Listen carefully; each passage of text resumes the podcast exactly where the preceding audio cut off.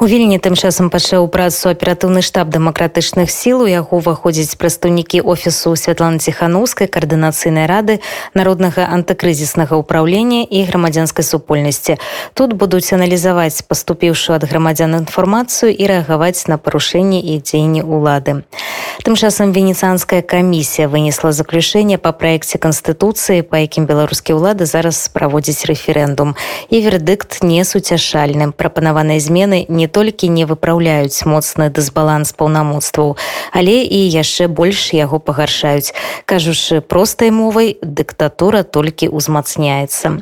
Адначасовыя эксперты камісіі разглядалі і праект канстытуцыі прапанаванай дэмакратычнымі сіламі. У гэтага дакумента ацэнка пазітыўная. расказаў нам прадстаўнік святланы ціханаўскай па канстытуцыйнай рэформе і парламенцкім супрацоўніцтве Анатолія Бецька калі гаварыць пра звароту венецыянскую камісію то мы не можам афіцыйна звярнуцца ў гэтую арганізацыю якая наўпрост працуе з дзяржавай і дзяржаўнымі органамі і установамі Таму нам прыйшлося выкарыстоўваць магчымасці і правы, якія ёсць у парламенцкай асамблеі рады Еўропы. І мы выкарысталі гэтую магчымасць і такі зварот насамрэч быў накіраваны прэзідэнтам парламенцкай асамблеі рады Еўропы з падаром дэмсам. І гэта зварот венецыянскую камісію з просьбай рэкамендацыі разгледзець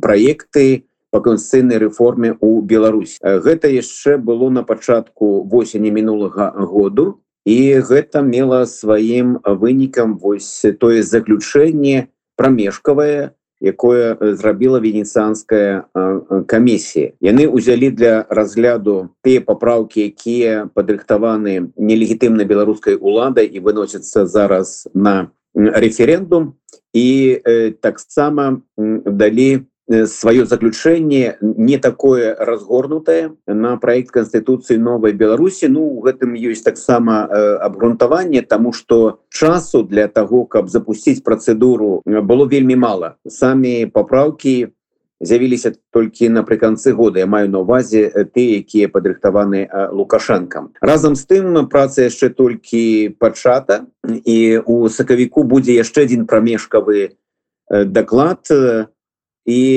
канчаткова венецыянская камісія мусіць завершыць сваю працу толькі ў чэрвені. Таму э, гэта пытанне так скажем як дарожная мапа мае некалькі таких э, дат э, калі можна будзе звяртацца вот да рэкамендацыі найбольш уплывовай арганізацыі якая выносіць прававыя вердыкты на такого кшкалту э, дакументы. Ну мы ўсё роўно усцешаны Таму что усе эксперты падкрэсліваюць что гэта упершыню вось твораны такі прэцэдэнт калі венецыянская камісія разглядала не толькі тое что афіцыйна там накіроўваецца альбо э, падрыхтавана структурамі дзяржаўнай улады але і вось на такую альтэрнатыву. Таму мы падаецца зрабілі вельмі добрую такую справу. У нас ёсць плацдарм які мы можам пашыраць і далей працаваць. А давайте удакладнім вось у чэрвені гэта будзе канчатковае рашэнне по вашым праекце канстытуцыі ці па двух? По двух канешне тому что вот тое что зараз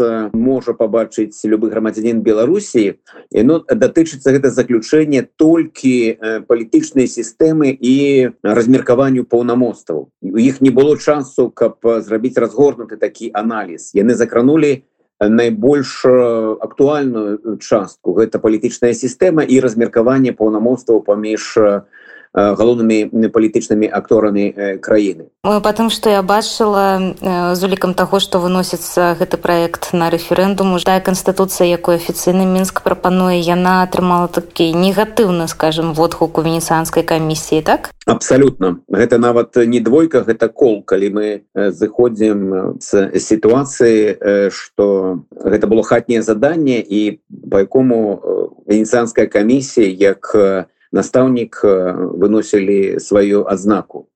Безумоўна яно вельмі негатыўнае і там шмат цікавых месцаў но мне падаецца самое галоўнае гэта тое что венецианская комиссия значыла что проект вот конституции ён не выправляе моцны дысбаланс паўнамостваў якія былі у старой дзейнай конституции а больш яго яшчэ умасовыя тому вот гэты дысонанс паўнамостваў ён не вырашаны праз новы проект а ён яшчэ больш паглыблены і гэта мне падаецца вось ключавая такая фраза.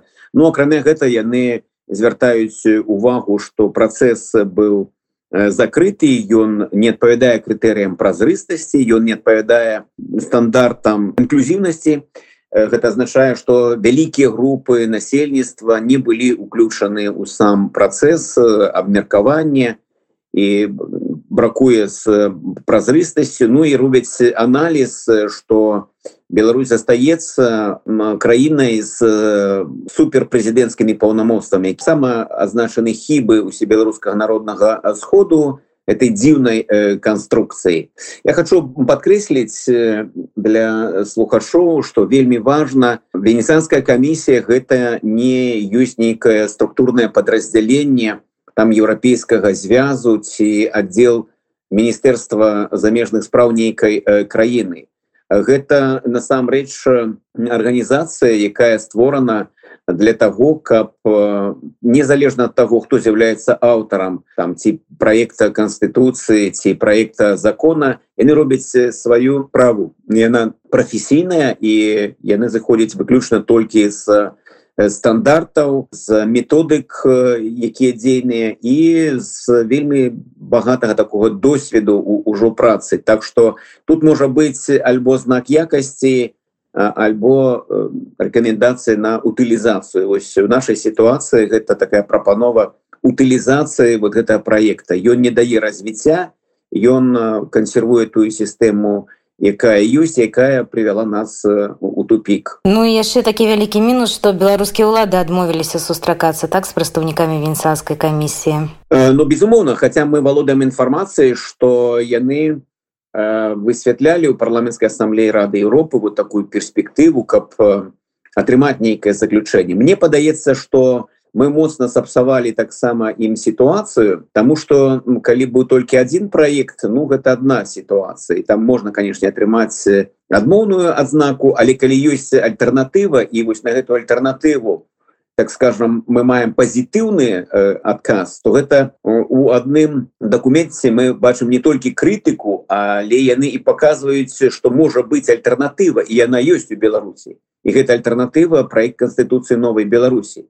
Я лічу что добра что мы атрымалі там выразныя такія пасланні напрыклад что датычна формы э, кіравання что это у нас парламенская форма кіравання тому что у і ўнутры беларусі у нас былі такія спрэчкі частка людзей менавіта з-за таго што мы захоўвалі захавалі інстытут прэзідэнта яны якраз сумняваліся што гэта парламенская форма кіравання. І вот тут міжнародныя эксперты вельмі ясна выразна заяўляюць што в нашым праекце прадстаўлена менавіта парламенская форма ўправлення што датычыць судовай сістэмы то ўсё што там выкладзена адпавядае рэкамендацыям самой венецыанскай э, камісіі. Так там у звяртаецца ўвага і на пэўныя праблемы якія звязаны з тым что ну у беларусі няма такой самадастатковай партыйнай сістэмы что можа патрэбны нейкі час каб ты ці іншыя палажэнні імплементаваліся на практыцы але у цэлым мы бачым что это абсалютна такі такая пазітыўная рэакцыя рэфлексія і і станоўчая для нас таму мы вот усцешаны і тым что мы трапілі ўсё ж такі у гэтае заключэнне і что можем далей працягваць гэтую працу і ну так скажем пазітыўная азнака якую атрымаў наш праекты пакуль что толькі так у датычнасці да палітычнай сістэмы. Венецыанская камісія гэта самы высокі такі ўзровень экспертызы по таких проектах так так безумоўна гэта ну прынята агульнаеўрапейскім такім памеры что венецыанская камісія гэта якраз тая найвышэйшая юрыдычна-правая інстытуцыя якая робіць прававы аўдыт на такого кшталту документы конституции проекты законов. Реально мы вельмі хотели каб такое заключение было тому что гэта якраз як арбітр мы можем хвалить свой проект миклашевич лукашенко свой проект знаходить некіе свои аргументы. І калі такая ёсць сітуацыя то тут трэба звяртацца ў нейкі арбітраж міжнародны які не заангажаваны які не глядзіць хто там чыё прозвіш стаіць под тым ці іншым проектам а яны просто робяць сваю працу робяць прафесійна і у гэтым не май абсалютна ніякага сумневу Пра венецыянскую камісію і яе вердыкты па абодвух праектах новай канстытуцыі Беларусі размаўлялі мы з прадстаўніком святланы ціханаўскай па канстытуцыйнай рэформе і парламенцкім супрацоўніцтвам анатолем лябедзькам.